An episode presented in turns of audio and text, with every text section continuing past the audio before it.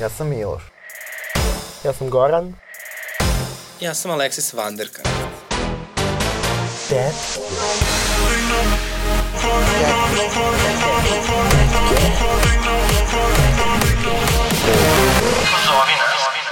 Ukoliko ste doživjeli nasilje ili diskriminaciju motivisanu homofobijom ili transfobijom, možete prijaviti na www.dasezna.lgbt. Popunjavanje upitnika je potpuno anonimno, ali ukoliko ostavite svoju mail adresu, tim da se znaće vam ponuditi psihološku i pravnu podršku. Ćao svima, moje ime je Aleksis Vanderkant i vi slušate Tetke, sa mnom su i Goran. Miloš. A, I evo mi vam se sada javljamo iz kišnog Beograda, vrlo smo volumizirane, hidrirane i spremne za nove pobede. A, evo ovako, mislim, mogu da kažem iz moje perspektive, ja sam se još juče pravi blatila sa jednog kratkog, ali lepog odmora. Kratkog ali zasluženog odmora. Tako je, zasluženog i lepog odmora u Egiptu. Sa mnom je, na sreću ili na žalost, bio i Miki. Gorana nisu pozvale, ali bože moj, sledeći put. E, pa, e, zapitaj se zašto.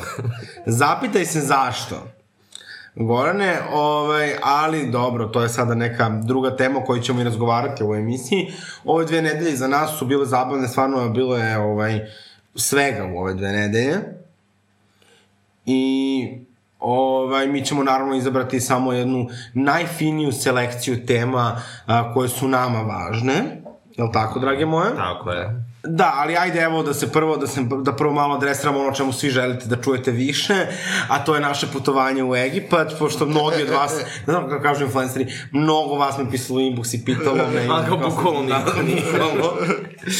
Ovaj, pa evo da adresiramo... Ovaj, Da, to sam, to sam ja hteo da napravim jedan po TikTok, ovaj, da kako ulazimo ovde, ovde gde snimamo tetke, ovaj, i da, da krenem da snimam i kao, mnogi od vas su me pitali kako se tetke zapravo snimaju, iako me bukvalno niko nije pitao, ali nema, pitajte me na TikToku kako se snimaju tetke. Molim vas, pitajte ga da ja ne bi morala da pravim lažni profil da ga pitam.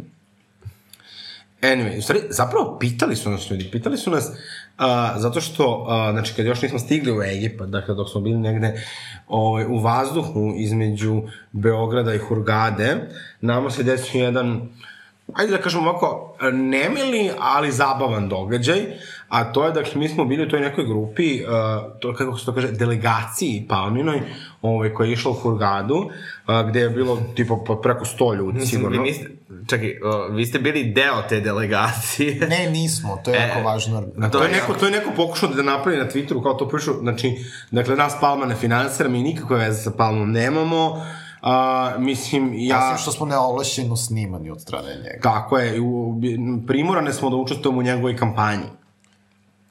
Ali... Znači, vi ste se samo našle tu kada je Znači, i Papa mi smo, mi smo kao delegaciju. najobičnije hrišćanke ušle u avion, nas je bilo, to je sama bila naša drugarica Tijana, sele smo, uh, znači, sela je Tijana pored prozora, onda Miloš između nas, pošto je najmašavi, i onda ja, i ništa, znači ja ovako sedim, držimo one maske kao slepci, ovaj, polako spremamo, kad vidimo ulazi Đani. Sad ja, moram da priznam, kad sam videla Đani, ovo sam pogledom krenula da tražim slađu njegovu ženu, ali nje nije bilo, rekao dobro, ajde su, to su bili neki muzičari, sad ajde kao malo bilo čudno, šta će, koga će Đani da zabavlja u Hurgadi, ali ajde nema veze, ne razmišljaš puno, ideš na odmor.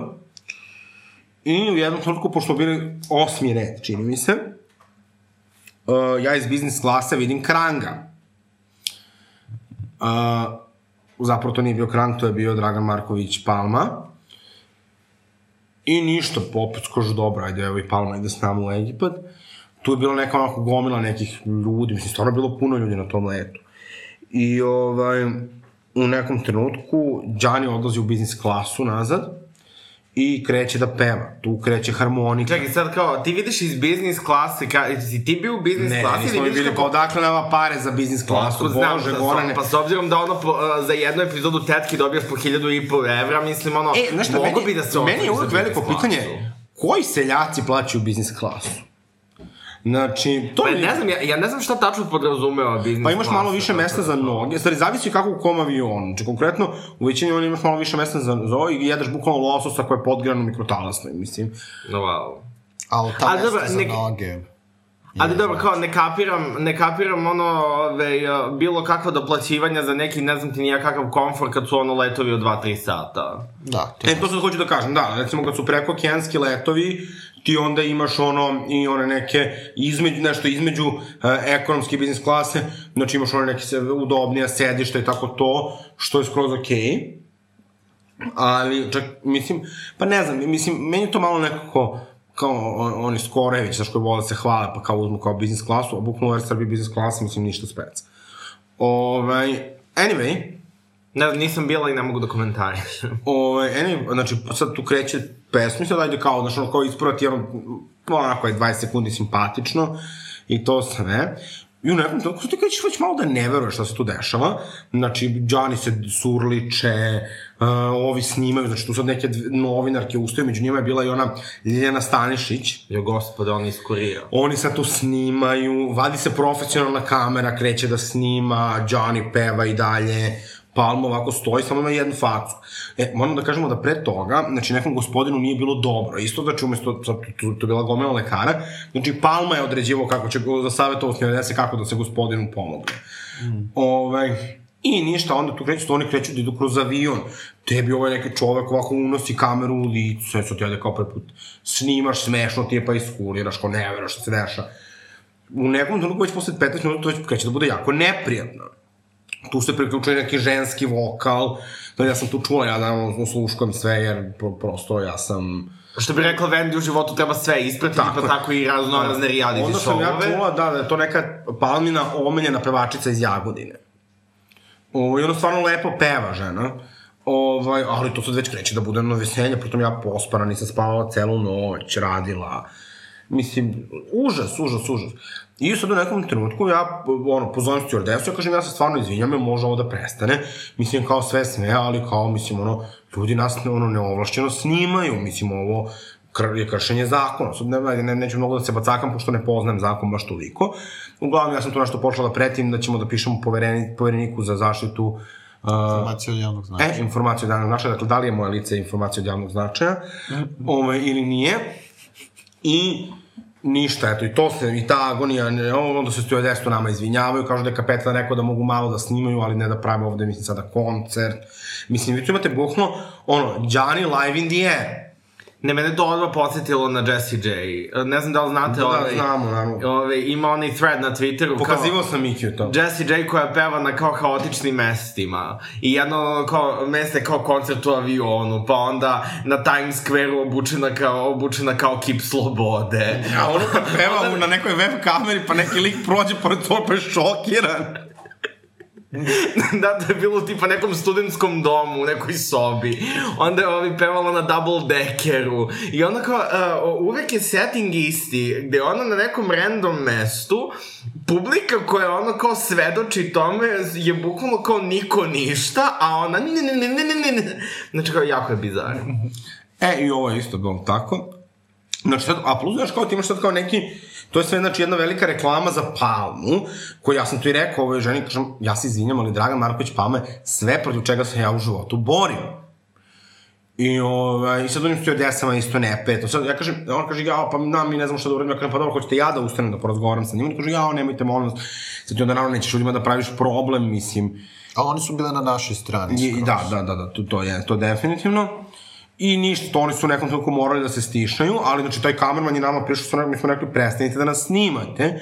On je rekao, imate maske, ajde, ništa ne brinite. Još mi je rekao, bato, kažem, ja nisam vama bata, ne, ne ti bilo šta slično. Znači, Dunica, ja sam Neda. ovaj, samo prestanite da nas snimate. Naravno, oni to uopšte nisu prestali, dakle, dok taj muzički performans nije prestao. I ništa, eto, onda smo mi stigli, pa imamo tih pet autobusa sa tim svojim ljudima. Znači, to je bilo Bože me sačuvaj. I na kraju smo se vraćali sa Palmom, a taj moj video je otišao viral.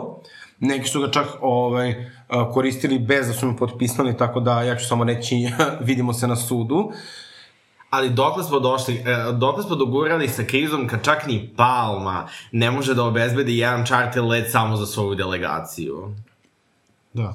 Ali vidiš, kaže, on je dobio popuste uh, kao najpopularniji stran, kao dobitnik uh, Oscara za najpopularniju ličnost, najpopularnijeg stranca u Hurgadi. Od koga je dobio popust? Od predsednika opštine Hurgada, ne znam. ovaj, Pa Hurgada tako i je. E, pa do, to Ne, ne, ali to je jedan isto veliki cirkus. Znate, mislim, kao, bukvalno on, mislim, sad kao šalu na stranu, mislim, ja sam razmišljao, posle rekao, pa dobro, bolje što mi se ovo desilo, nego da mi se nije desilo zabavno, realno, sad kad pričaš, imaću dobru priču da pričam bar narednih 10 godina. Ne, ali ovaj, uh, moguće da ovaj, nije obezbeđen ceo let za, ovaj, uh, za Palminu delegaciju, zato što Hurgada nije njegovo polje. Da se išlo u Parariju, Ovaj, ne znam da li znate, ali ono, ovaj, Nova Srbija ima ovaj, svoje kancelarije. Jedinstvena, jedinstvena. Jedinstvena. U pala, paradu. Da, jedinstvena Srbija. Pa, ja ali- Nisam znao. Da, u Paradiji, da. Imaš onaj čuveni snimak, sliku ono kad se Palma i Ivica Dačić u kupaćim gaćama voze na skuteru. Ali zašto imaju tamo prostorije? Zato što je to Palma. Bože, bože, bože. Ali šalu na stranu, mislim, to je toliko bahato. Pa onda kad uzmeš u obzir da jedan, znači, predsednik opštine tako troši ono narodne pare na, na, na mislim, putovanja u Hurgadu za 200 ljudi, pa onda su, kad pomeš u obzir da su to lekari, a da smo mi trenutno u sred pandemije, to je stvarno da čovek stane, da se prekrsti... Pa dobro, ali radi ti isti lekari su, mislim, ono, radili u sred pandemije, mislim, ono, kao godinu dana, ono, kao Ne, ne, da na, naravno, odmor, ali ne, ne uzme tolika količina njih odjednom odmor. Dobro, to da, ali... Ja, znači, što se mene tiče, neka se doktorima, mislim, ono i povećaju plate, i sad to svima da se povećaju plate, ali, mislim, ovo je jedan čist show program, znači, to je bukvalno kampanja. I možda neće svi da idu u Hurgadu, i možda neće da idu u Hurgadu sa A dobro, Palom. da, ali kao ti vi da biraš kad imaš besplatno more, šta? Pa da, ali to se tako se postavlja kao da je to neka e, dobra inicijativa Palmina. Ne? Miki je ona osoba što ono, ako bi dobio letovanje ono kao u, Gr u Grčkoj, ono kao proba bi da Pa menja. mi smo raspravili, znaš kao, pošto shvatili da ćemo se vraćati s Palom, sad sam ja nešto zajebam, ja kažem, možda će nam Palma dati šampanjac da nam se izvini ovaj na letu i kažem, još, ni slučajno da niste prihvatili. Ništa. stvarno, nećemo Mi sa njim nećemo da razgovaramo uopšte. Da se prodamo za šampanjac. A zašto bismo se prodali? Uh, pa pričali smo o onome kao da nam Palma dođe i da nam ponudi da ostanemo duže u Hurgadi, samo da se ne bi vraćali sa njim. Meni bi to bilo onako jedno do... do A ne bi da ostaješ kraće, a da se ne vraćaš s njima. Pa to ne bi mogao on tako da namesti, ali ovako bi mogao da kaže, evo kao, Palma ne želi da se susretnemo ponovo, niti vi želite da se susretnete s njim, ostanite još 3-4 dana duže, ja bih pristao. Uh Mhm, -huh. To je onako elegantno rešenje, prosto da se ne gledamo. Ali nije se desilo. Nažalost ne. Eto, znači, gej aktivisti, znači, idu u Egipat, uh, spremni su da im Palma plaća letovanja, Znaš, sve je to otišlo. Ali, Miki, ovako sad te pitam, kako ti je ovako konkretno bilo u Hurgadi? Pa, ovako, Hurgada izgleda tako kao da je Palma počasni stranac, um, to je prosto... Kako je, kako je? Dobro, nema, ne znam šta, Šta nije je da mi... počasni nešto? Najpopularniji stranac u Hurgadi. najpopularniji stranac u Hurgadi, to, pa ne znam što da vam kažem, to je vrlo tužno i ružno. Tako, neke radnice, prodaju neke džidžabiše. Kaže Miki, ovako, mi sad otišli tamo, ja, moram, čekaj, ajde prvo ovako da ispričam, znači, ok, hoteli su fini, Dobro. ok, zavisi ko šta voli. Prići ćemo na hotel u jednom momentu. Ove, ali, znači, mi smo sad otišli u tu neku kao glavnu ulicu, kao gde su kao radnje, mislim, to je ono, stvarno, bože me saču, to izgleda kao, kao bulevar ovde negde pri vrhu, pa i gore, verovatno. I sad ovako mi gledamo i kažem, Miloš, ovako mi sad kupujemo, ti i ja kupujemo gluposti, cenkamo se, kažem, a nije čudo što ovaj svet zatrpan u džubretu, pogledajte šta ljudi kupuju i proizvode. Ali to Kaže, magneti, to je samo smeće. e, razglednice, mislim, žali Bože, mislim, te proizvodnje toga, mislim, oni papirusi, pa papirusi koji su fluorescentni, pa mislim, taj kič, figurice, E, Kleopatra. kada je kažeš Miki, kaže, jo, ne znam, znaš šta, kaže, meni ljudi stalno nešto donose sa putovanja, ja sve to posle moram da bacim. Jer mi moramo da se u Srbiji vežbamo da budemo bacačice. Znači, mi smo ovako um, prirodno horderi, o, kulturološki, e, tako su nas naučili, mi moramo da se učimo da bacamo stvari. Znači, bacite. Ja bacam, stalno bacam. Bacite. Kad god se pitate da, li, da će mi trebati, neće vam trebati. Ne, ja imam dobro pravilo, znači ako nešto... Znači ja treba da bacim ovaj magnet što ste mi poklonili. Ne, ljubavi, ne, ne, pa če, postoje stvari koje čuvamo, ali Šta ću? ja recimo što se tiče odeće, samo treba se vežem, znači ja ako imam nešto nisam nosio godinu dana, ja to bacam. Ili, odnosno, obično gledam da nekome poklonim, znači da bacim u smeće, ali da zato što često bacam u stvari koje bi zapravo neko nosio, znači ne bacam sad pocepani, ne pričamo pocepanim gaćama, nego nekoj majici koja bi se prosto više ne nosi, ili duksu, ili jakni, ili šta god. Tako da moje pravila za odeću, ako nešto ne nosim 12 meseci, znači prošlo su 4 godišnja doba, neću ga nositi vjerojatno ni sledeće godine i onda spakujem i dam nekome, mislim je nekih milion opcija šta možeš da uradiš sa viškom odeće. Meni je obično odeća omali, zato što se ugojim. Ove, I onda je, onda je zadržim, ono kao za kad smršam, i onda nikad ne smršam i kao... Mm. E, to sam i ja radila i to sam rešila isto. Tako da ono kao sad imam neke, ono kao, imam neke košulje iz ono tipa 2013-14. Imam jednu koju sam zapravo kupio dok sam imao 30 kila manje nego sada, ove, koju sam kupio onako leopard print iz, iz H&M-a, e. Ove, kupio sam je uh, za doček 2014. ja mislim. Uh, I kupio sam je za kao E, ok, kao smršao sam bio na ono kao kilažu koju sam želao, ali kao samo još tipa ono kao 4-5 kila. I kupio sam je za to, za samo još 4-5 kila i onda se ugojim 30 i kao... da, to je još jedna velika zabluda, ali uvijek ste stvari možda pokloniš nekome i onda možda prebaciš, znaš, kažeš kao, ja sam njemu poklonio toliko moje odeće, a on sad meni neće uh, da on pozami 500 dinara. Okay. Nije mi čestito novu godinu. Ja to volim super predstavljanje kao ko ti nije čestito rođenje, ko ti nije čestito novu godinu. Ali to je sada za neki super drugi Super da se ti ljudi jave na početku nove godine da znaš da ovaj, se ne družiš s njima u nove godine. I, ovaj, I da, ali kupila, ja sam kupila čajeve, kupila sam oko 7 kg urmi, Ne pitajte me. u redu. Uh, nisam kupio, ja nikad ne kupim ništa sebi. A, a šta nam se desilo sa čajevima? Da, e, ajde možemo da... Znači, pa dobro, bilo bi, da je meni bilo kraj... nekoliko navrata... Bilo bi krajnje bizarno da ti sam pojedeš 7 kilo urmi. Ne, ja neću pojesti nijedno, ne, mene Miloš optužio da ja uh, kompulsivno kupujem. Sa čime se ja uh, oštro ne slažem, jer ja bukvalno sam sebi u, na moru kupila masku za ronjenje, pošto svoju zaboravila, uh, onu masku za telefon da ide u vodu i hulko gledalce. Ja sam kupila sebi još, ništa više. Ništa više. Znači, sve ostalo što sam kupila... Otekla od racionalnog trošenja znači, preko, Znači, uh, znači, tamo sam kupila oko 6 kg u poklonima i na free shopu još jedno 3-4. Ali sve pokloni. Znači, ja toliko volim ljudima da poklonim stvari. Uh, samo, samo što ne sere med. I da on meni dođe da kaže da ja kompulsivno kupujem. E, med svojim roditeljima koji proizvode med. Ali ovo je med od naranđa. Od citrusa. Pa znam, ali svako će uvek naći izgovor. Pazi, med od citrus. Mislim, A zašto ti ne proizvodiš med od citrusa? To je pravo pa, pitanje. Za početak ja se ne bavim eksploatacijom pčela. O, ja kad sam to rekla mom ocu, da sam eksploatacijom pčela, on mi je rekao da ako, ako, ako mu to još jednom kažem da će mi ispostaviti račun za, za ovaj, uh, izdržavanje od početka mog života. Iskreno slažem se, znači... I onda je rekao, niko se ne bori za moje ljudska prava, samo nešto protiv mene. Ove, ali ne, ja volim da kupim ljudima poklone, ja stvarno volim da kupim poklone, znači, a predat mogu obožavati dakle, moja sestričina, moj deka i moji roditelji, znači njima kupujem najviše poklona i Jovan. Znači, to je to. Znači, ja ljudima toliko volim da kupim poklone, znači, ja kad idem kući, meni se brat uvek dere koliko stvari nosim, a to su uglavnom sve pokloni. Ovaj, jer e, ja mnogo volim da kupam poklone, ali što se tiče mene lično, znači ja evo odmah da kažem da ja od nove godine ništa od odeće nisam kupila.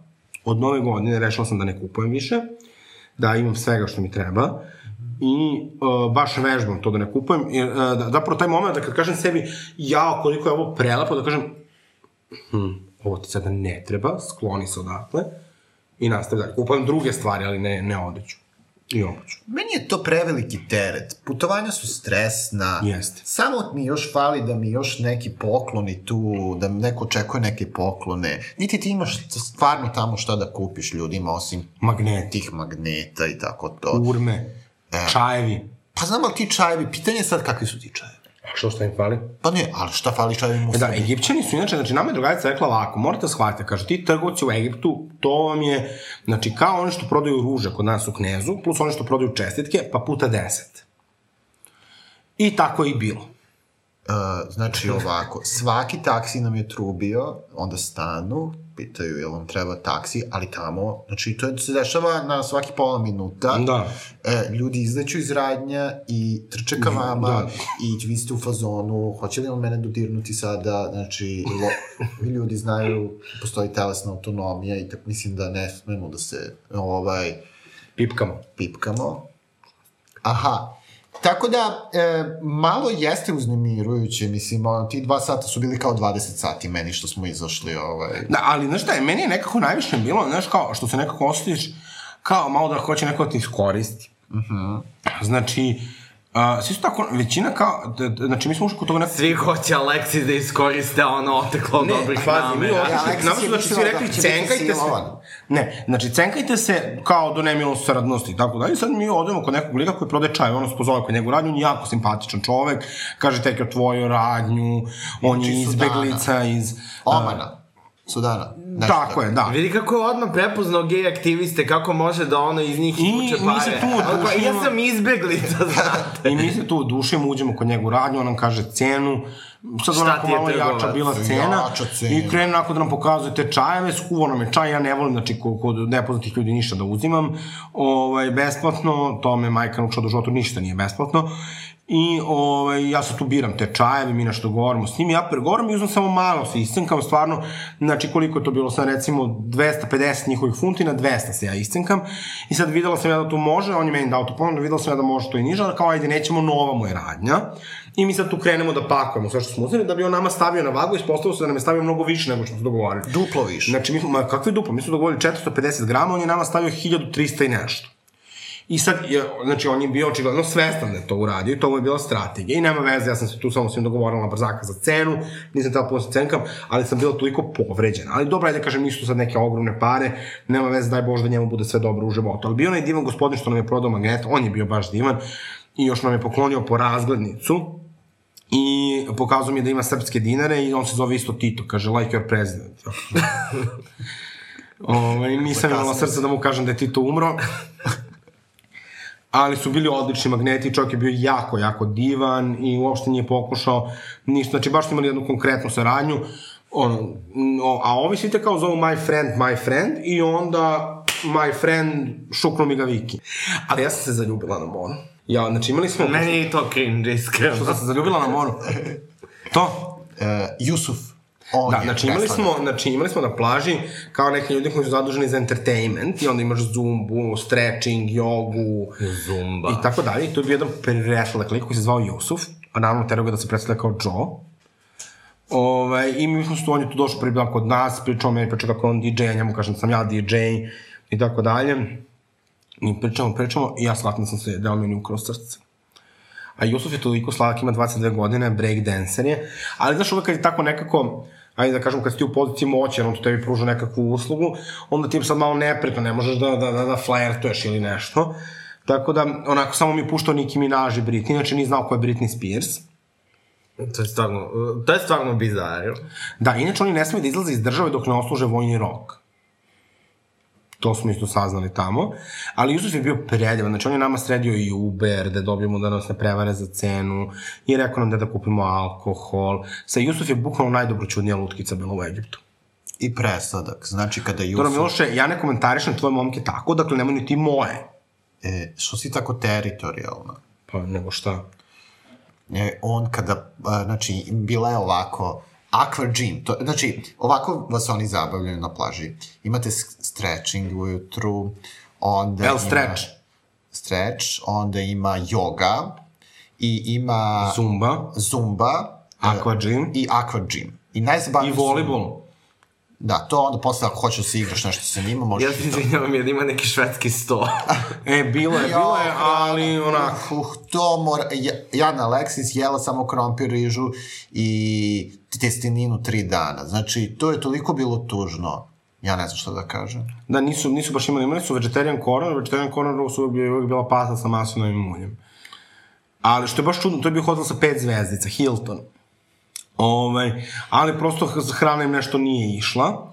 Malo se štekaju, ba to ti klasični kapitalisti. Štekali su se i za alkohol, znači ti kokteli su više bili sokići, E, šta, Bukvalno dobiješ gorušicu od koktela. Bukvalno. Znači, ja hoću od tri koktela da se dobijem, od četvrtog već da, Da se oduzmeš. A mi popijemo po četiri pića ništa.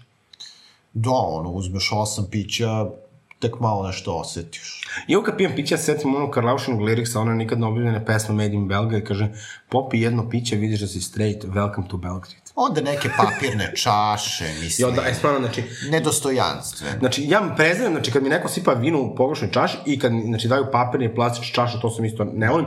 Mogu su bar da smisle neke, našo, pla, reusable plastične čaše, pa dobiješ plastičnu čašu jednu, pa je koristiš do kraja dana. Tako da, Ali dobro, nećemo da gledamo, bilo je lepo. Bilo je okej, da, bilo je okej. Bilo je lepo, odmorili smo se, Kakve sam ja labudove dobijao, i to ne zato što sam tipovao, nego zato što sam moj sobar voleo. da, znači, pošto ti... Jel, jel, čekaj, jel labude eufemizam za dick pic? Ne, ne, ne, ne, ne. A koliko smo takvih labudova dobili, to je tek druga Samo priča. što ne primaju, a to je možda važno da slušate. Da, inače da, inače Egipćani su veliki autorasisti, znači ti, ono, ti bogati valjda, koji drže, znači u hotelu u Egiptu ne možeš da uvedeš a, druge ljude i pogotovo ne druge Egipćane. Da. Inače, svi su top, znači, to je stvarno takva ho- autohomofobija u tim zemljama, kao i u Crnoj Gori. Znači, e... pa ne, ja to, pa ja to mogu mm, da dokažem, verovatno empirijski. Postoji istraživanje, Grindr je radio to Jel istraživanje. jeste? Jeste, jeste. Kako se pomeraš ka zapadu, svi su više Da. botom, kad se pomeraš ka istoku... E, pa sad nisam baš toliko detaljno se zabavila, ali da. Tako je. U svakom slučaju, top ili bottom ne možete da ga dovedete, tako da osuđeni ste na ljude koji su... Ne, oni vam nude da se vidite negde drugde, ali... E da, to a, mislim, ali... Ali to je nezvudno, jer ti u tim rezortovima, ti dok izađeš, mislim, ondaš u nepoznat grad, Marinski, ja to ne bi. I u Beogradu mi je teško da odam negde, a kamoli u, u Kurganu. jo, isto, isto, da. Uglavnom, bilo je lepo. Jeste. Bilo je fino.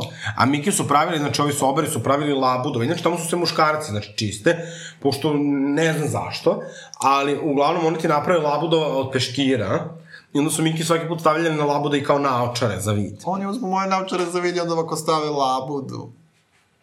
Topla ljudska pešča. A šta si, e, čekaj, kad sam rekao da tamo radi muškarci čišćenje, što si me tako pogledao? Makar zato što si e, rekao ne znam zašto. Pa, ali čudno mi je zato što žene rade, recimo, uh, u sali za, za u restoranu, Aha. a zašto ne mogu da rade kao ono da čiste? Pa da, ali mislim da generalno ima... A, možda znaš zbog čega? Zbog silovanja. Misliš kao da ih neko ne bi silovao? Da, da, da. Mislim da se o tome radi. Pa znate za Stross-Kana, onog, e, on je bio direktor MMF-a.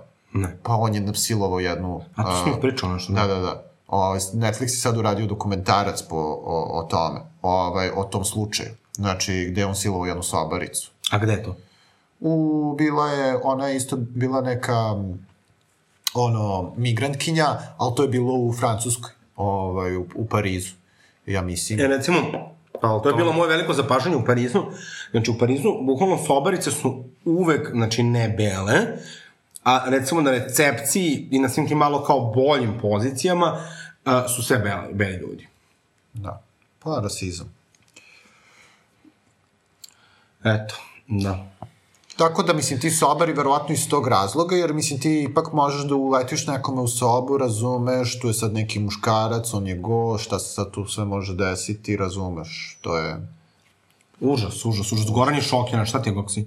Pa, mislim, ne znam, samo, slu, ono, ne znam. A, znači, šta još je, se kaže, tamo ne može ništa se dobije preko telefona, e, u tom Hiltonu, ja sam Badem Mantil tražio čitav dan. Znači, to je bilo strašno. To se stvarno! To je bilo strašno. I onda kad smo tražili jednom čaše, i Alexis je naglasila glass glasses, Tri puta sam znala. da, tri puta zvala i oni su nam doneli papirne čaše. Sad težak je život. Pa mislim, ono, ni, pet zve, ni zvezdice nisu ono što su nekad bile. Dobro, e sad, na, na moru se desila, na web se desila još jedna važna stvar, a to je da sam ja kidnapovala Mikijev Instagram i otključala ga, jer ja mislim da je to u najboljem interesu tetke, on to mora da shvati, da ne može on više ovde da prima ovu platu koju prima jednakom kao mi, a da ne promoviš tetke, jel se slažeš, Boksi? Ja se slažem. I ja sam njemu otključala Instagram i zapratila mu sve te ljude koje on držao kao one, čiji requestove držao kao sa strane. kakve probleme sada zbog toga imam, neću ni da delim sada. Što pa rece? Pa neki sex date-ovi koji, koje su bili u davnoj prošlosti su sad počeli da mi se intenzivno obraćaju, tako da moram reći da budu blokir. I duh iz Da, prošlosti najviše volim, na ja, Miki, vrata možemo da ispričamo, ja, možemo da ispričamo ono kad si blokirao onog kolegu. Ko kolego? Pa onog, čekaj, samo ne mora se da ide, kad ti, kad ti je skrenuo pažnju da ti ispalo jaje na slici. A, da, jo, Ja mogu da da ispričam? Molim te. pa može, može. Znači, Miki je jako čudan, znači Miki, bukvalno, Miki kaže da ne želi da, im, da ima otvorene društvene mreže, znači on je imao jedan uh, tajni nalog na Twitteru koji sad nebitno ne morate da znate ko je, pošto mo- možda ne bi trebalo da se zna. To čak ni ja ne znam. Obrisao, koji je da, taj koji je obrisao, nalog. jer nije žao da ga ljudi osuđuju, ali, ovaj, ne samo to, uh, nije, nije Miki ona volšebna, ne, šišarka. Ma kakav nisam imao tajni nalog? Kako nikada? nisi imao? Imao sam tajni Twitter nalog. Pa to, A ne, a Instagram nalog? Ne, pa Twitter sam i, je- je Twitter. A Twitter, aha. Da, i ovaj, ne, on ne želi da ga ljudi osuđuju, znači to je njegov glavni razlog zašto ne želi da ima društvene mreže. Ovaj, I onda je on tako okačio neku sliku na kojoj nije primetio da mu je blago ispod testis. I onda mu jedan kolega skrenuo pažnju na to onako najdobronamernije, a Miloš ga je blokirao. Samo što je to bilo na Instagramu Da. i nije uopšte to bilo, ja sam to tako slikao. Mislim, dobro, tad je to bilo malo drugačije. Kako smeš da mi kažeš da mi je ispalo jaje? Ne, zato što je to bio klasičan slut shaming. aj, aj, šta si nosio pa ti je ispalo jaje? Znači, to, je, to su oni šorcevi, nije mi ispalo jaje, nego je samo bilo u mrežici. Prosto videlo mi se jaje u mrežici, razumeš? To se nije se videlo, znači videla se mrežica. Kontaž, koja je bila napunjena. To uh, nije, je istina. Ovaj, Ok, srećan uskrs, I guess.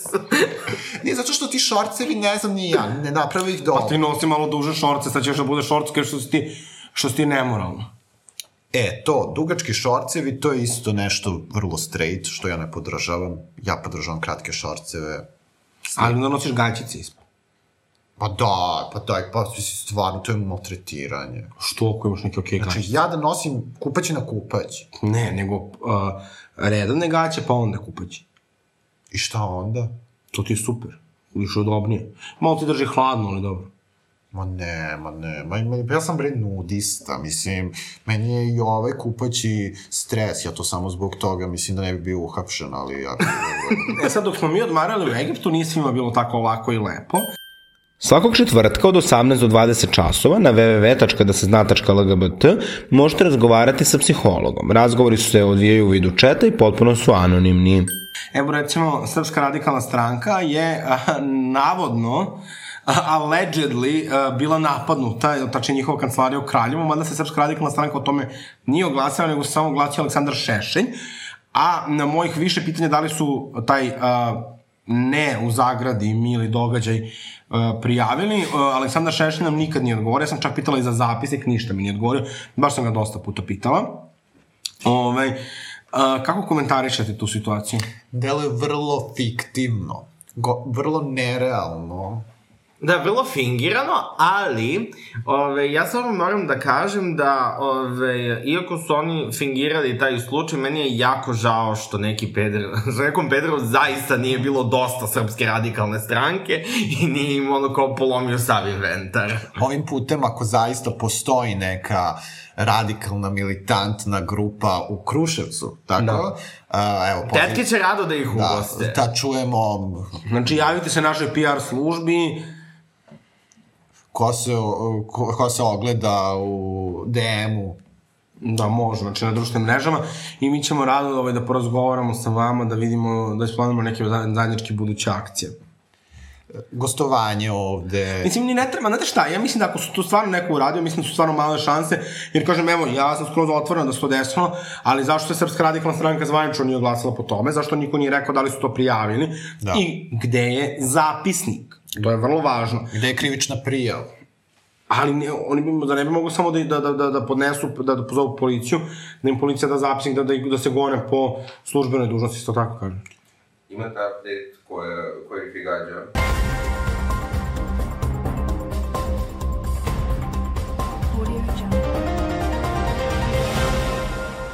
Poslednja vest. Aleksandar Šešelj se oglasio povodom incidenta u Kruševcu. Prema njegovim rečima, aktivisti Narodne stranke su razbili stakla i napisali pozdrav od pedera na njihovim prostorijama u Kruševcu. Hoće li sad gej aktivisti da pitaju e, Vuka Jeremića čemu ovaj imbecilan pokušaj da se gejevi okreve za ovaj vandalizam? I šta na to kaže, i sad neko ko radi u nekoj nevladinoj organizaciji, Milan, Milan Antonijević, da. Da on stalno nešto tako je Milan Antonijevića, možda mu se Milan sviđa, ne znam šta bi drugo, zašto bi, ono, iz kog drugog razloga bi Milan mogao da bude toliko predmet njegovih ovaj, tweetova. Mislim da vam kažem da što ovo je toliko sve smešno. Mislim, ja bih volao da vidimo opet dokaze i za ovo. Jer, dakle, radikali opet, kažem, odbijaju. Dakle, oni se zvalično nisu nigde oglasili znači, sa nekim saopštenjem. Nisu rekli da su podali krivičnu prijavu i ne znam ni šta je ovo. Dakle, oni su, ako sad čujemo, delili te ovaj, knjige o Vuku Jeremiću, isto, mislim, dobro, naravno, ko bih htio da kupi knjigu, mislim, Vojislava Šešelja, jer svi znamo da je... Aj, knjigu o Vuku Jeremiću. Bukvalno, znači, ono, spojite dva, dve najnebitnije stvari, ono, na svetu. Uh, mislim, ono, verujem da, da ovi koji, ljudi koji podržavaju radikale baš nešto se ne ubijaju od čitanja. Tako da, tih 20.000 ljudi, eto, mučenih i oni sad potpisuju tu peticiju ovaj, za zabranu gej brakova, baš onako tendenciju, onako javno, baš dva dinara. Ali ja mislim da su oni zapravo tu ciglu zaslužili još kad je ovaj pokušao da Natašu Bekvalac uvredi ovaj mali e, šešelj. Slažem se. Uh, ovaj, dakle, da zaslužuju jednu ciglu kroz izlog, to je onako najmanje. Tako da da vam kažem, svaka cigla kroz izlog Srpske radikalne stranke je dobra cigla. Dvostruki standardi su meni ono najstrašniji. Koji dvostruki standard? Uh, na primjer tih uh, ne radikala. Oni sada tu kmeče što im je neko razbio izlog, a evo možemo da kažemo koliko se puta je napadnut Pride Info centar, napada se Znači... Koliko puta su radikali napadali fizički druge ljude, Da. koliko puta su radikali ono, išli na suđenja Marije Lukić da podržavaju Jutku, koliko puta su ono, mislim, se sprdali sa žrtvama, slavili smrt drugih ljudi.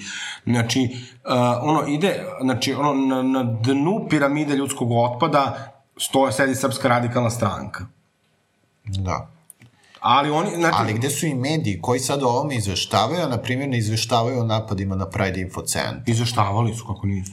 Pa, sigurno ne uvoliko. Ali znaš šta, pa nisu ni ovi puno, ni ovi puno izveštavali, ovo je bilo više priča na Twitteru, ali mislim da to jeste problem. Znači, naši mediji su vrlo lenji, ne istražuju, znači, samo prekopiraju ono što im se pošalje. Znači, vi ako pogledate, ja radim, to, mislim, predstavim, vi ako pogledate, znači, ista vest uvek možete, na istu vest možete naćete bar na 10-15 različitih portala. Znači, identično od A Š, samo su naslovi drugačiji. Jer novinari danas, mislim sad ovo stvarno zvuči strašno elitistički, ali i kao neka um, ono, nebitna panika, ali to jeste problem. Imali ste sad slučaj ovog pukovnika kog je štitio krov nad glavom i krov nad glavom stvarno svaka čast, ali onda Biljana Srbljanović bukvalno uzela i iskopala, mislim, neke detalje koji baš ono malo uh, drugačije prikazuju priču te porodice. Ovaj, I nije, nije naravno krivica aktivista krova nad, krova nad glavom, nego novinara koji bukvalno ono, ne rade svoj posao, ništa ne istražuju, znači Biljana Srbljanović, znači u svoje slobodno vreme, a, bolje ono istraža određenu temu nego naši novinari. Da, stvarno jeste skandalozno. Mislim, e, i to jeste veliki problem, znači... Mislim, pozdrav za Biljanu nije skandalozno što ona to istavlja, skandalozno što kao novinari, mislim, ništa. ne rade svoj posao prosto. To je to jeste, to jeste veliki problem. Mislim, ne kažemo, naravno, ne, to ne znači svi novinari, ali ogroman deo tih ljudi, da, i mislim, to je takva i moja saradnja sa većinom medija, je tako što vam neko traži da mu, da mu praktično sastavite tekst. Opet kažem, ne svi, ima stvarno divnih izuzetaka i meni je jako drago da ima i takvih novinara i novinarki, ali to je stvarno užasno. I, ovaj, tako da, ja, ono, šta, šta je bila tema? Aha. A, da, ali mi, znači, na, nažalost, prosto, znate, mislim, evo, ko je osudio a, radikale koji pričaju namerno koriste termin gej brakovi, koji u medijima, dakle, znači njih neko zove da, oni, da onaj mali imbecil priča, mislim da smo mi devijantni, mislim, a to, to se vidi, dakle, većini tih političara koje danas skupljaju poene na, na zakonu, su pre dve, tri godine rekli da im zakon o istopolnim zajednicama nije problematičan i to treba da se reguliše, uključujući Vojislava Šešelja, Vladana Glišića, znači, oni sada na ovome skupljaju nekakve poene. I to je jedan, ono, ono, ozbiljan cringe. Da, bukvalno, ali ja bukvalno svaki put kada vidim ono nekako oglašavanje radikala, boga mi i dverjana, ove, a, mene zaprepasti ta količina samouverenosti, a s druge strane, ono, bezobrazluka i neznanja. Pa, znaš, moj profesor... Ove, uh, I baš me ono, obuzme me ono kao, bukvalno ono transfer blama, bukvalno onaj cringe, ono, kao, kao kad gledate ono, ne znam, ono, neku audiciju na ono X Factor gde kao neko nema pojma, misli da kao... Znaš kako moj uh, profesor geografije govorio, kad bi budala znala da je budala, imala bi dve pameti. I to dosta zvuči bumerski, ali istovremeno je dosta i tačno. To mi onaj profil ljudi koji će sve da urade za like. Znači, da li sad taj like glas ili je taj like nešto drugo. Znači, to nema toliko veze sa nekim samo vrednostima, nego prosto sa hvatanjem za slamku. Znači, mi treba da, da shvatimo. Dakle, Srpska radikalna stranka, to je jedno pokojno biće, Znači, to je stranka koja se... Za mene je umrla neka živa i zdrava. Pa, da nije ni živa i zdrava, no, Da, kažem, istina. uh, ja tom talogu političkom bukvalno ništa dobro ne želim, neću učestvovati ni u čemu lošem po njih, ajde možda me neko pozove pa pristanem neku inicijativu, zavisi kog tipa, ali dakle oni su znači jedna tragedija, znači zamislite taj, taj tu bed, oni su sa milion i 200 hiljada glasova spali na 60 za 10 godine. Ova epizoda snimljena je uz podršku Udruženja da se zna, Remarkera i regionalne asocijacije ERA. Sad imamo ja i Lexis na plaži, a, pljujemo neke straight muškarce, kako su cringe, kako imaju, a dobro, i neki gay muškarce isto za njihove odavne kombinacije. Ovaj, I, I onda se kao pomislimo, e, kao, zašto ne bismo ovu emisiju posvetile temi o cringe-u? Zapravo, kako sprečiti cringe? I onda smo pogledali smo malo ovaj video predivne ContraPoints, koja je objasnila sve, uh, onako cringe do detalja. Uh, I svima preporučujem da pogledaju to. Uh, taj video zove se Cringe. Um, tako da, ajde evo se jedno pitanje ovako za vas obe. Da li više imate taj empatični cringe gde se poistovećujete sa osobom koja se sramoti ili više uh, češće sebe nalazite u tih, toj situaciji gde imate taj prezrivi cringe. Evo kao što Alex sada ima, na primjer, prema radikalima. Ali ajde ovako, mogu ljudi da nam pišu u komentarima uh, svoje neka cringe iskustva, Na primjer. Pošto, kao, mislim, to možda bude zanimljivo, pa možemo da pročitamo neke ako ih bude dobrih ovaj, u sledećoj emisiji. Hm? Može, može. Ako ne bude ničega dobrog, onda šejmovat ćemo vas javno da nam ništa, ništa, ne, nećemo ništa da dobro niste nego ćemo poslali. da krinđujemo, sa, a to mislim, da, da, da, da, to znači bolje bi vam bilo da pišete, inače nećemo snimati više. Ne, ali ove... Sada a, sigurno niko neće pisati. E, ja samo moram da kažem, uh, ja konkretno, iskreno, ono, više cringe-ujem iz te pozicije kompleksa Boga. kao cringe-ujem na druge Ne, ljude. nemaš transfer blama, kao... Da, imam transfer A, blama, transfer kao cringe-ujem na druge ljude. Aha, aha. Ove, mnogo češće. Da, mogu bih da odem da mi neko to pogleda. Ove, ali iskreno, um, ovo sad kad si rekao kako sprečiti cringe, ja ne mislim da je cringe nužno loša stvar. Ove, ne mislim da kao cringe treba da sprečavamo. Mislim da ono kao cringe u određenim granicama, ono kao kad su neke, kao kad cringeujemo na neke ljude, ove, i ka- kada nam prosto neki ljudi odaju taj vibe, ono kao koji nas tera na neki kao transfer blama, ove, mislim da je to užasno zabavno i ove, donekle, ono, zabavno je kada je u granicama benignog. Tako da ja ne bih sprečavao cringe. Jo, ja ne Cringe je lep izvor zabave. Pa ne znam baš, mislim... Ali dok, dok cringe ne postane ono maltretiranje nekog. I meni je to uvek... Um, Uh, najbolji primer za to mi je uh, youtuberka Emilija Milojević. Uh, sad, Aleksis verovatno zna ko je to Miloš, ne. ne. Ali Emilija Milojević je jedna, ove, zove se na YouTube-u bukvalno Serbian YouTuber. Ove, To je već cringe. Pa eto, ove, ljudima je ona bilo užasno cringe i onda se to kao bilo kao, mm, fore na Twitteru, ja, Emilija Milović rekla, Emilija Milović rekla ono. I onda je na kraju to nekako preraslo i tu postaje opasno. Preraslo je u cyberbullying Emilije Milojević. Aha. Devojkom koja stvarno nije, nije, nije po čemu loša, znači... Da, nije nije po čemu je samo ono kao izbacuje neki content koji ono kao ljudima prosto... Jeste cringe, malo. Da, koji ljudima jeste cringe, ali kao, to je okej. Okay. Ali ona je dobra devojka, mislim, ako ti kad nju pogledaš, stvarno nemaš šta da je zameniš, mislim, ona kao, čak je to ono nešto neki posljednji video koji sam njen gledala, ono vezano, pošto njoj se na kraju desilo, znači ona je rodila dete, ona bukvalno se tu svoju YouTube karijeru radila, rodila dete, udala se, rodila dete, i na kraju je nju uh, muž ostavio zbog njene najbolje drugarice. Oh my god. I ovaj, mislim da je to bio moment zapravo kad se ceo, ceo taj internet koji se pravdao nju malo, ono kao bio u fazonu kao sad smo svi za, Emiliju. Ja baš nisam, nisam stekao takav utisak. Ja, ja baš mislim da je ono, ove, internet, pogotovo na Twitteru, ove, baš su nekako, kao zbog toga što je ona njima cringe, baš nekako su zanemarili da je i ona ljudsko biće. Čak i Ove, tada. Da, da. I uh, pored nje mi je odličan primer, ako se sećate, Rebecca Black. I Da. pesme Friday. Znači ono, kada ona, mislim, o, devojka 97. Znaš godište- ko je Miki Rebecca Black? It's Friday, Friday, gotta get down on Friday. Ja mislim da si mi puštala. Znači, ono kao, ja ne znam, mislim, kao, ništa posebno, uh, što bi To je bilo rekla... pre više od 10 godina, to je bilo Da, ali, 2011. što bi rekla moja drugarica, ništa nisi propustio, ali ne znam kako si propustio. Ove, Mislim, to bukvalno svaki petak u srednje peva. E, ove, to je devojka 97. koja je izdala tu pesmu Friday, ove, Znači, sa 14 godina. 2011. I onda kao ljudima je ta pesma bila jako loša. Meni iskreno ta pesma kad pogledam je vrlo catchy zapravo. Ove, Ali i onda nisam kao- bila pesma, nego i taj spot. Da, da, da. I Kad kao, ona ustaje u šest ujutro, ima ona kao full frizuru i šminku. Da, ove, i kao ljudima je to bilo cringe, i kao okej okay je da to ljudima bude cringe i da im bude izvor zabave, ali onda su, znači kao ona je postala kao ozbiljna meta cyberbullyinga, zbog tog, znači kao zbog tog spota je ono kao morala da se ispiše iz škole i da pređe na homeschooling. Ali je zaradila i ozbiljne pare. Pa dobro, ali da li je, da li je vredno? Pa to bi morali da pitamo nju. Znaš kao, ona je sad, ona je uspela da... Da ti kažem nešto, meni bi to bilo okej, znači da se malo izblamiram, idem na terapijicu. Znaš kao, ona je uspela da ono iz te situacije izvuče najbolje i kao, ok, sada kada je ona već postala ono kao glavni predmet sprednje na internetu i kada već svi znaju ko je ona i kao ne baš po ono kao najboljem, ove, ona je odlučila da ono ima svoj YouTube kanal, da progovori ono kao situacijama ove, u, u kakve je upala i da, da izađe iz toga kao pobednica i stvarno je svaka čast na tome.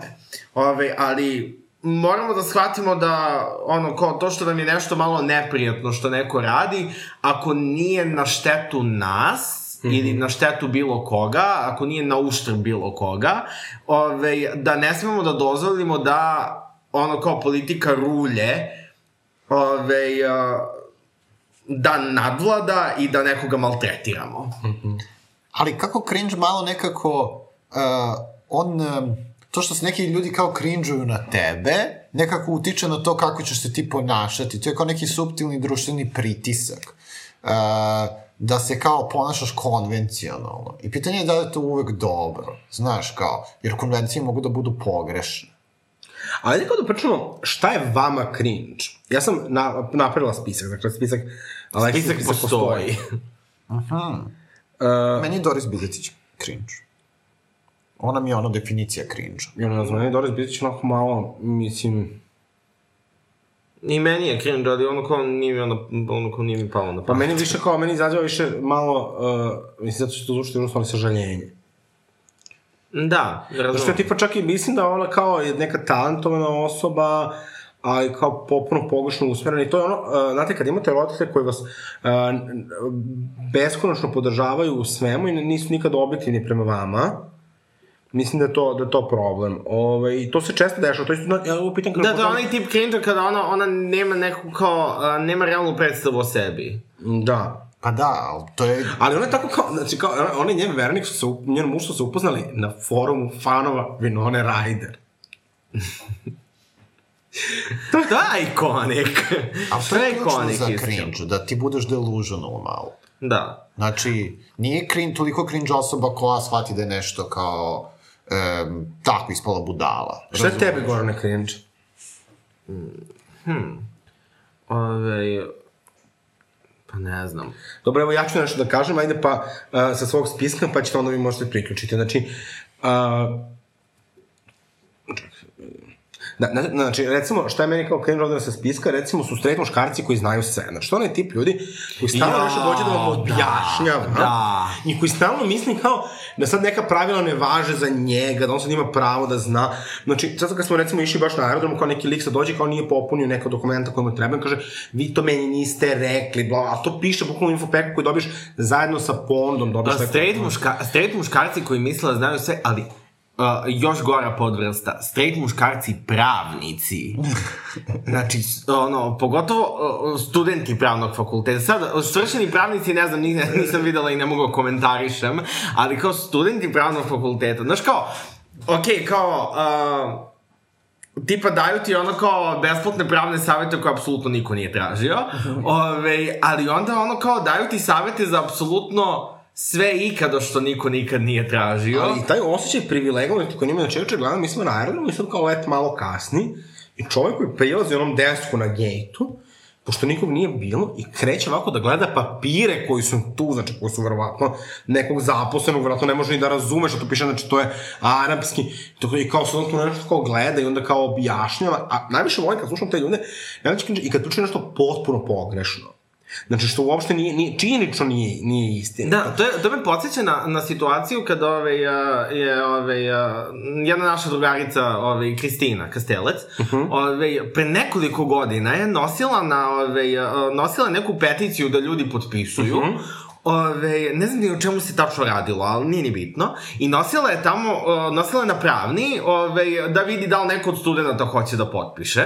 I onda je neki student krenuo njoj da objašnjava, e sad ću ja da ti kažem zašto ovo zapravo nije pravno osnovano. I ona mu je samo rekla kao, vidi ovako, ovu peticiju su sastavili ljudi koji su tvoj fakultet zapravo završili. Ne, pa to isto kao kad, znači, ovi kao isto neki polupravnici kao pričaju kako je uh, zakon o zakonu, zakon o istopolnim partnerstvima neustavan, a pisali su ga pravni eksperti koji su i ranije pisali zakone. Znači, sigurno nije on neki jadnik, to sa pravnom, takav se baš jedan istakao da priča, nije kompetentni od njih, ali da, to je ta neka, ne znam, ta, znate, heteroseksualnost kod muškaraca prosto treba tretirati kao invaliditet. znači, sem ukoliko se, ono, zvanično, znači, ne, ne, nemaju tu jednu svest o svojim privilegijama, što u većini slučajeva nemaju, ja mislim da previše privilegija te stvarno tebe pravi debila. Jer, znaš, to je ceo život, znaš, kao, ti si dobio trojku, mrazite profesor, e, ona je bolja ako tebe, to je zato što je ona, nema život, ona je psihopata, ona samo misli na to. Nju profesorka voli, a mene Da, da, da, ne. da, da, da. Uh, pao si vožnju, zato to je sve namešteno. Uh, nisi bio mister uh, na maturi, to je zato što isto to i to se namešteno, da li su nekom i Nisi prošao finale Beovizije i to E, je... i, i, da, i onda, znaš, i onda ti stvarno, znaš, kreneš da se razliš u nekog retarda. Znači, i ima su tu još jedna stvar koja je povezana, to je, znate, oni ljudi koji kao naprave neki minimalni društveni angažman i onda kao se utripuju da su oni, a, znači, toliko hrabri, znači, ono, znači, da su napravili mini revoluciju. A kao kad se Dunja Jovanić ošišala. Recimo, ili kad je ona žena neka išla na pijacu sa natpisom da se vidi N1, pa je kao muž rekao nemoj, ubićete neko, a ona je ipak bila hrabra, pa je otišla. Znači, znaš, ono kao, gospođo, kao, ja sam peder. Znači, ono, išu, idem po ulici, ono, sa nalakiranim noktima, u roze, obučen sa perikom, u štiklama. Ne, znači, ono kao, uh, mi- mislim, ne, ne znam kako da vam objasnim, ono, postoje e, žene, ono, koje rade vrlo riski posao, kao, niste ništa, znači, ono, kao, ti imaš će da kažete, kao, ono, Vučić je užasan, kao ovde medicinski, to baš nije nešto mnogo edgy. A to rade vrlo često i muškarci, znači, oni sad dođu i kažu, kao, to, tipa, ja podržam gej brakove, i onda, kao, bukvalno, znaš, ono, mislim, onda, kao, kao, rekao sam, E, e, evo šta mi je, ovaj, a, šta sam se setio da mi je cringe, jugo nostalgija.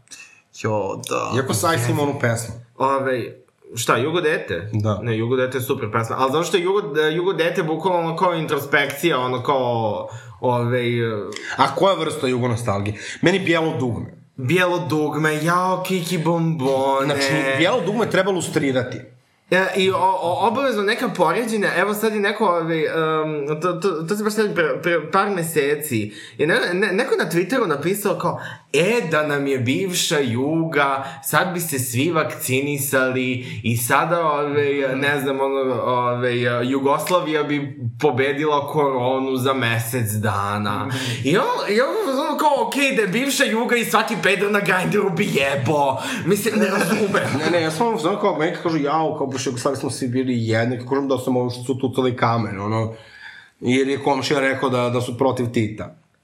Ne, mislim, uh, ja stvarno ono, uh, kao ne mogu da, kao baš ne mogu da slušam ove, uh, prvo ta patetisanja, drugo, st, stvarno odbijam da, odbijam da gradim nekakvu nostalgiju nad vremenima koje ono kao koja su bila pre mene. Ali ti ljudi su emotivni, znaš, oni su tad bili mladi, onda kao njima je tad sve izgledalo lepo. To ćemo vjerojatno i mi, nažalost, raditi. Da, da, da, ali... Ove, Se mene, ja ću zauvek biti mlada, tako da... Da, ali ove, kao primetio sam ja jugo nostalgiju kod ljudi koji su tipa rođeni 90-ih. A onda je to što misle su edgy.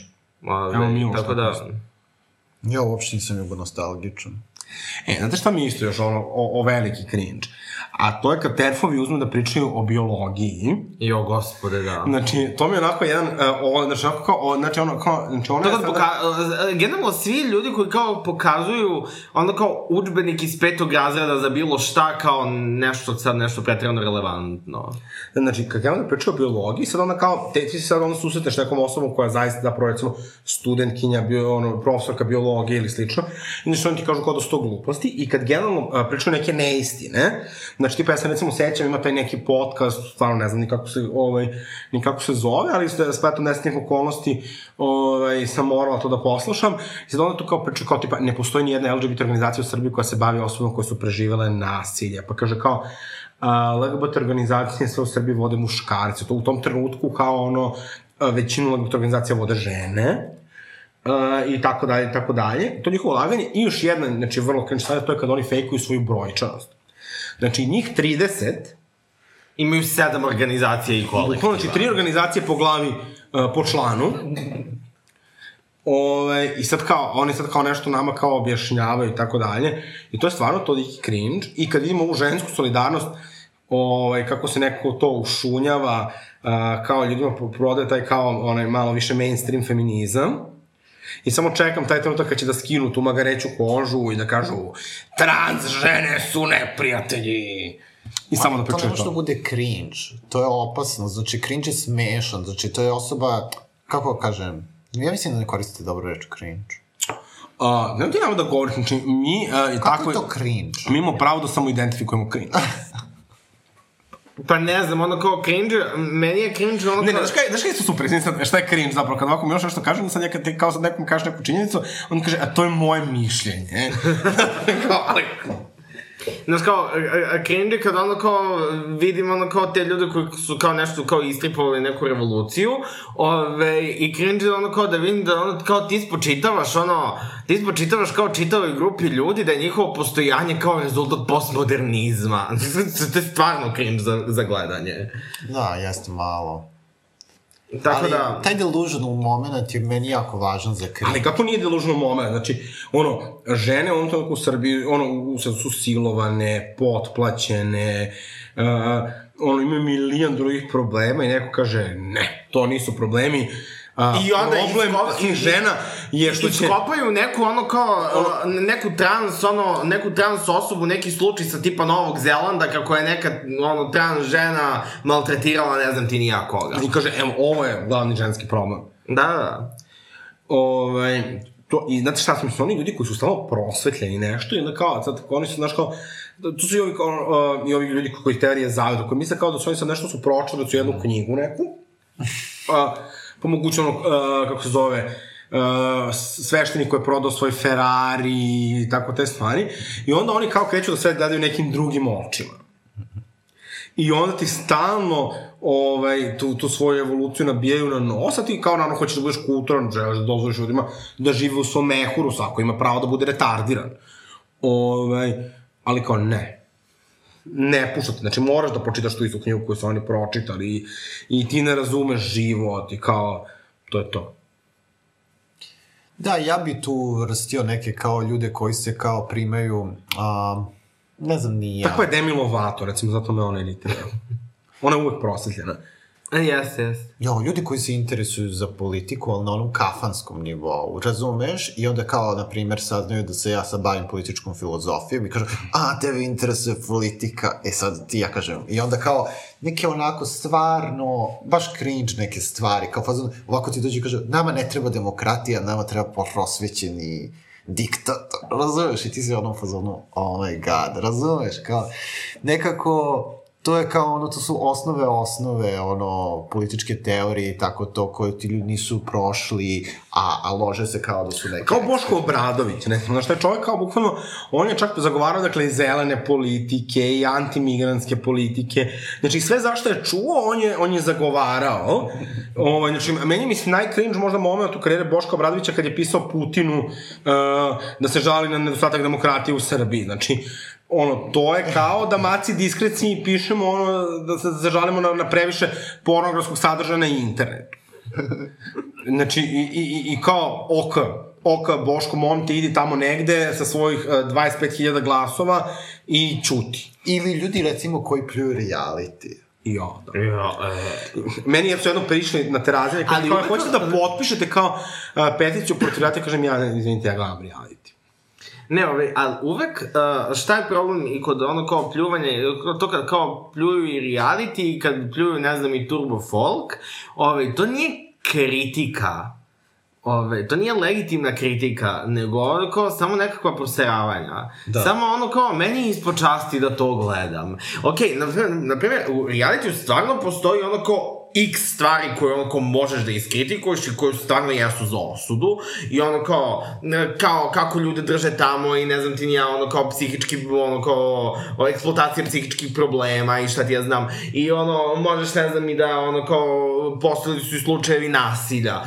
Razumeš, i kao, to su stvarno konkretne stvari koje ti možeš da, ono, ovaj, da staviš na Ali to tapet i ukazuje na kao- jedan dublji problem u ovoj državi. Kao, ovo je problem, ali ono kao, uvek je kao, ne, meni je ispod časti da to gledam, to je ono kao, to nije dovoljno, Nemoj. to je nije dovoljno intelektualno zadovoljavajuće, mislim, Ali šta što je god. naj- Gospođo Discovery, To bu, uopšte nisu neki ljudi koji su, ne znam, ni ja, bog zna kakvi neki intelektualci i tako. Da, da, to je uvek ono kao, a, ja zato, ovaj, umesto, ovaj, umesto što gledam reality, ja čitam put kojim se ređe ide. Da, Pala Koelja. I ti si u fazonu, pa čekaj, mislim... Pa ne, ne, ali, znaš, meni ne smije to kad ljudi kažu, znaš, ja sebe smatram i tako, ma smatraj ti sebe čemu hoćeš, meni to ne, uopšte ne zanima. Samo ne mene da klistiraš, znaš, kao, i sad kao ja mogu da ti odmah, da ti za ono u pet minuta objasnim koliko si glup ili glupa, I to ne radim zato što mi moje kućno vaspitanje dozvoljava, zašto ne želim uopšte da vodim tu konverzaciju. Znači, i slobodno misle se intelektualistički sve krenuti glavom, reći ti da ću da pročitam to Paula Koelja, znači, uopšte nije problem, samo nemoj ti mene da napadaš, što da mi govoriš ono, što ja slušam ovu pevačicu, ili što gledam reality, ili bilo šta, pa Što, mislim, primjer, ili kao sad neko turbo folk ne podnosi, a kao sluša Leontinu. Bijelo dugme. Bijelo dugme. Bijelo dugme. Da, i sad si ti u fazonu, pa ljudi, mislim, kako da kažem, to je baš pravi cringe, onako su ljudi totalno... Bukvalno da- ista muzika, druga Da, produkcija. Ali ne, ali to je, e, ne, ja, ja uvek imam problem da apelujem na jednu drugu stvar, to je kao, da li vi znate da su uvek postojali neki ljudi koji su kritikovali i pljuvali neki umetnički pravac, histerisali, tamo cepali nečije slike, valjali se po podu, znači zato što su mislili da ovo njihovo prethodno bilo bolje. Znači samo se upustite, mene kad stvari ne zanimaju, znači evo ja gledam recimo moja majka, Znači, moja majka uopšte ne živi u tom univerzumu tih nekih. Znači, moja majka gleda ono, ono neke trash Hallmark filmove, znači, ona misle to predivno. Um, Znači, ona ne zna, vi nju da pitate za Soraju, to reality, to uopšte ženu ne zanima. Razumete? Znači, to, znači ona će nekada čita malo Danielu stil, neka će da čita nešto malo intelektualnije, ali prosto žena pravi izbore koji su njoj u životu dobri. Tako treba svi. Znači, samo kao tebi se to ne dopada, mnogo nam je drago zbog tebe, to je tvoj privatni problem, Znači, samo se fokusira na stvari koje ti se dopadaju. Samo koliko, znači, to. Drugo da mi kritikujemo ovo što je Goran rekao, dakle, nasilje u reality programima, to, da li televizije koje puštaju, ne znam, 12 sati realitija treba da imaju nacionalnu frekvenciju, da li televizija treba da bude obavezna da, da proizvodi nekakav sadržaj, da li je to okej, okay, što znamo da su određenim realitijima ljudi drže protiv svoje volje, pod nekim ono užasnim uslovima, To, to treba tematizovati, ali ovo oslo će nekome deca da postanu ne znam šta, ako gledaju reality. Pa mislim, ovo, mi smo odrasli na Jersey Shore-u, Simple Life-u, pa ništa ne fali.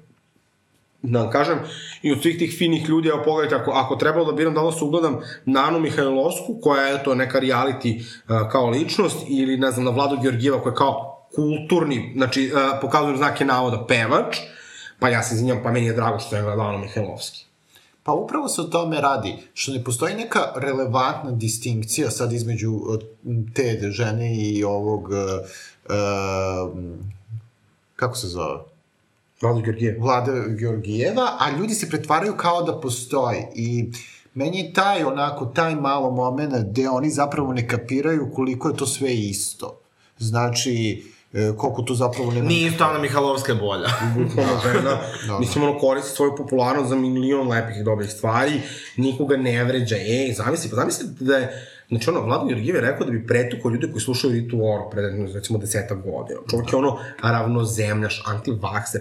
Znači, čovjek, mislim, vi kada slušate šta taj čovjek priča, to je stvarno, deluje kao da zahteva hospitalizaciju. I to sada više nije ni za sprdnju. Mislim, ja više ni ne znam šta piše, pošto me blokirao, hvala Bogu, ali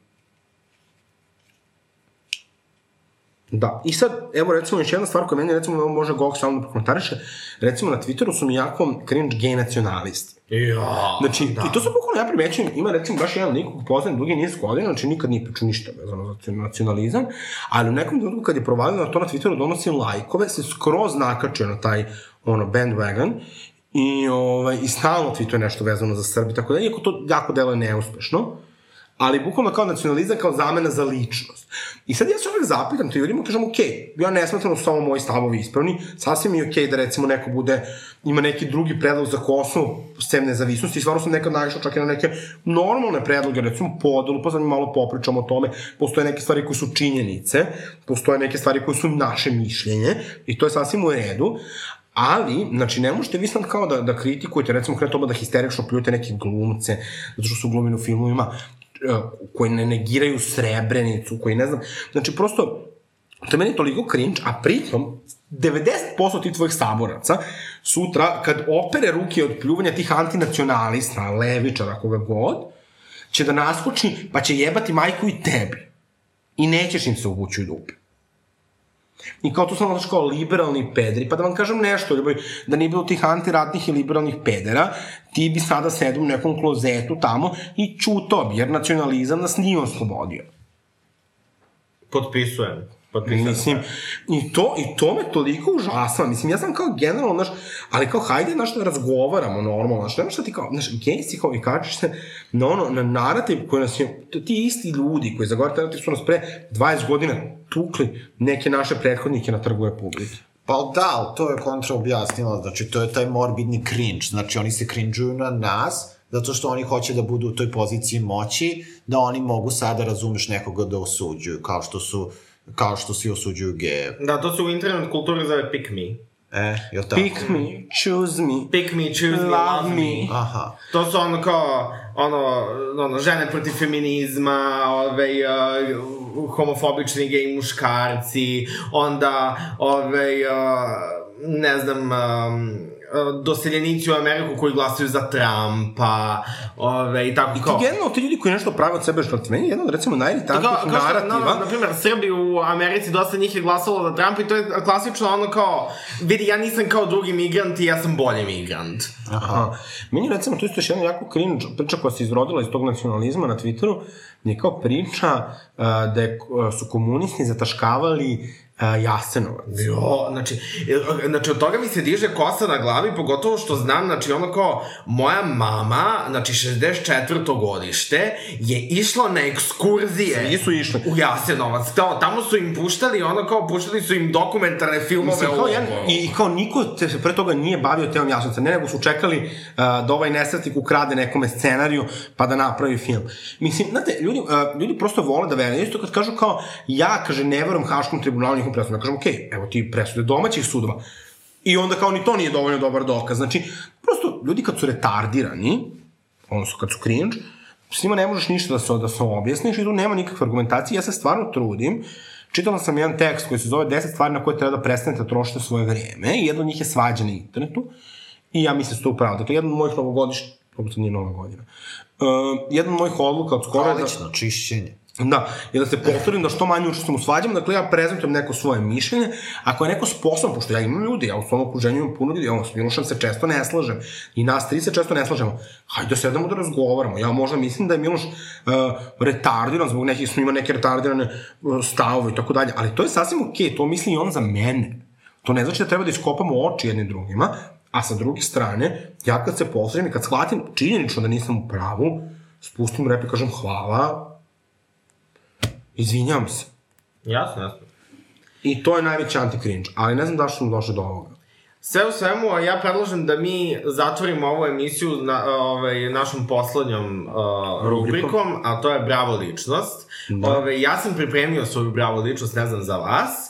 Ove, e, moja bravo ličnost, znači ličnost koja je obeležila period od protekle dve nedelje je Relja Popović, bivši pevač elitni, elitnih odreda. No. Ove, ono što se dogodilo, ove, bilo je gostovanje u Amidži showu, Ove, I um, bilo, bilo je nekoliko glumaca ove, um, su bili kao gosti i Amidžić je pitao ove, kako komentarišu ove sve, ove, kako je ono kao Me Too kampanja ono kao postala vrlo ove, a, vrlo aktuelna kod nas zbog ovih kao slučajeva maltretiranja i silovanja mm -hmm. u okviru filmske industrije.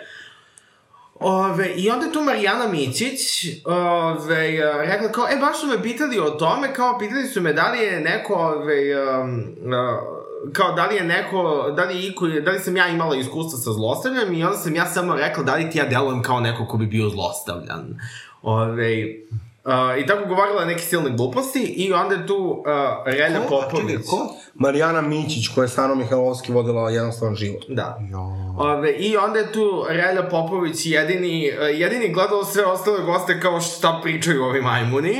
Ove, I progovorio je mislim, ono kao priča, ono kao potpuno no, normalne stvari u smislu da poštuje svakoga ko ovaj, će da istupi i da ovaj, kaže da se to kasnije u buduće nekom drugom ne bi dogodilo. Ovaj, tako da on je jedini koji je tu rekao nešto dobro. Ove, I to je bilo, mislim, bilo je jako aktualno na Twitteru ovih dana, tako da ono, kao to mi je obelažilo period od protekle dve nedelje. Uh, moja bravo ličnost će biti uh, Daško dakle, radijski okay. voditelj. Uh, mislim, Daško i Mlađa su stvarno već, ja mislim, preko 10 godina, ono, antifašisti, antihomofobi, on je prepadano napadnut, pretpostavljamo zbog toga. Ovaj, vidjet ćemo šta će reći istraga, ali verujem da je motivisan njegovim političkim stavima, pošto ne znam zašto bi ga drugo neko napao. I ja mislim da stvarno naši straight saveznici su jako redki, pravi, bez ali, bez uh, ono, koji u popunosti razumeju taj problem, ali mislim da nekako anti, ono, antifa ljudi prosto jesu naši saveznici, tako da eto, ja negdje iz solidarnosti, eto, nominujem Daška za bravo ličnost, inače mislim da ovo prvi put da muškarca nominujem. E, e, mislim da je prvi put i da ja nominujem muškarca. Ok, i Miloše? Ljena Smajlović. Gospode Bože. Ovo smo raspravu imali i u Egiptu. ne, i meni se svidela ta izjava, svidela je što je rekla da podržava istopolne brakove. Da, i, to jeste. I to nije, i kako da kažem, ona ipak govori nekim ljudima koji nisu ono usual suspects, razumeš? Ovaj, I mislim da je to možda u njih, kao njen, uh, za njenu publiku ja hrabar istup, ali ja sam tu ženu gledao i u savetu za štampu pre ne, ne znam, ja sigurno sad ima 3-4 godine, ovaj, kako je branila um, geve i, i, i protivila se tome da se recimo, ovaj, kako se, uh, da, da prođu uh, kao sloboda govora tekstovi koji su bili puni govora mržnje ovaj, prema LGBT zajednici, tako da eto, mislim, ovaj, mislim... Ali ima ona, mislim... Pa dobro, mislim, naravno da ima, ima ona, ali, ali e, meni je super kada takvi ljudi pokažu tu neku svoju liberalnu crtu, Mhm, razumeš? Da, meni je drag taj stav koji je ona zauzela u smislu to kao podržavam ne samo taj zakon, ne želim sada da ga koristim kao izgovor, nego podržavam to baš je eksplicitno rekla gej brakove, misleći na kao potpunu jednakost između istopolnih parova i uh, straight parova. Tako da da, to je jako lepo od nje. Ajde da glasamo, Gorane. Uh, ja glasam za Alexisin predlog za Daška. I ja ću da glasam. Ok, hvala vam. Ja bi, um, da ne znam, mislim, ja volim Relju Popović, on je meni preslatkica, drago mi je ovo zbog Ljeljane Smajlović, naravno uvek mi je drago kada im sasjećam sa ženama, ali kažem, eto, mislim da Daško i Mlađe su stvarno jedan odličan primjer. Oni su čak imali neke svoje stikere antihomofobične. Mislim, to, to je prosto jedno zaista pravo savezništvo, onako kako treba da izgleda. I ovo što radi Smajlovićka, bez obzira na to što ja mislim da je relativizatorka Vučićevog režima, ove, je dobro i ovo što je rekao Relja Popović je jako lepo, mislim, pogotovo kad to dođe iz te toksične maskuline rap kulture, mada ja mislim da, rap, da Relja onako je in touch with his feminine side. Ovaj, ali, eto, okej, okay. znači, Daško je naša bravo ličnost. Hvala vam svima na slušanju. Hvala na pažnji, slušamo se za dve nedelje. Uživajte u praznicima. Jo, da, srećan 1. maj. I srećan uskrs. Ljubimo vas! Ćao.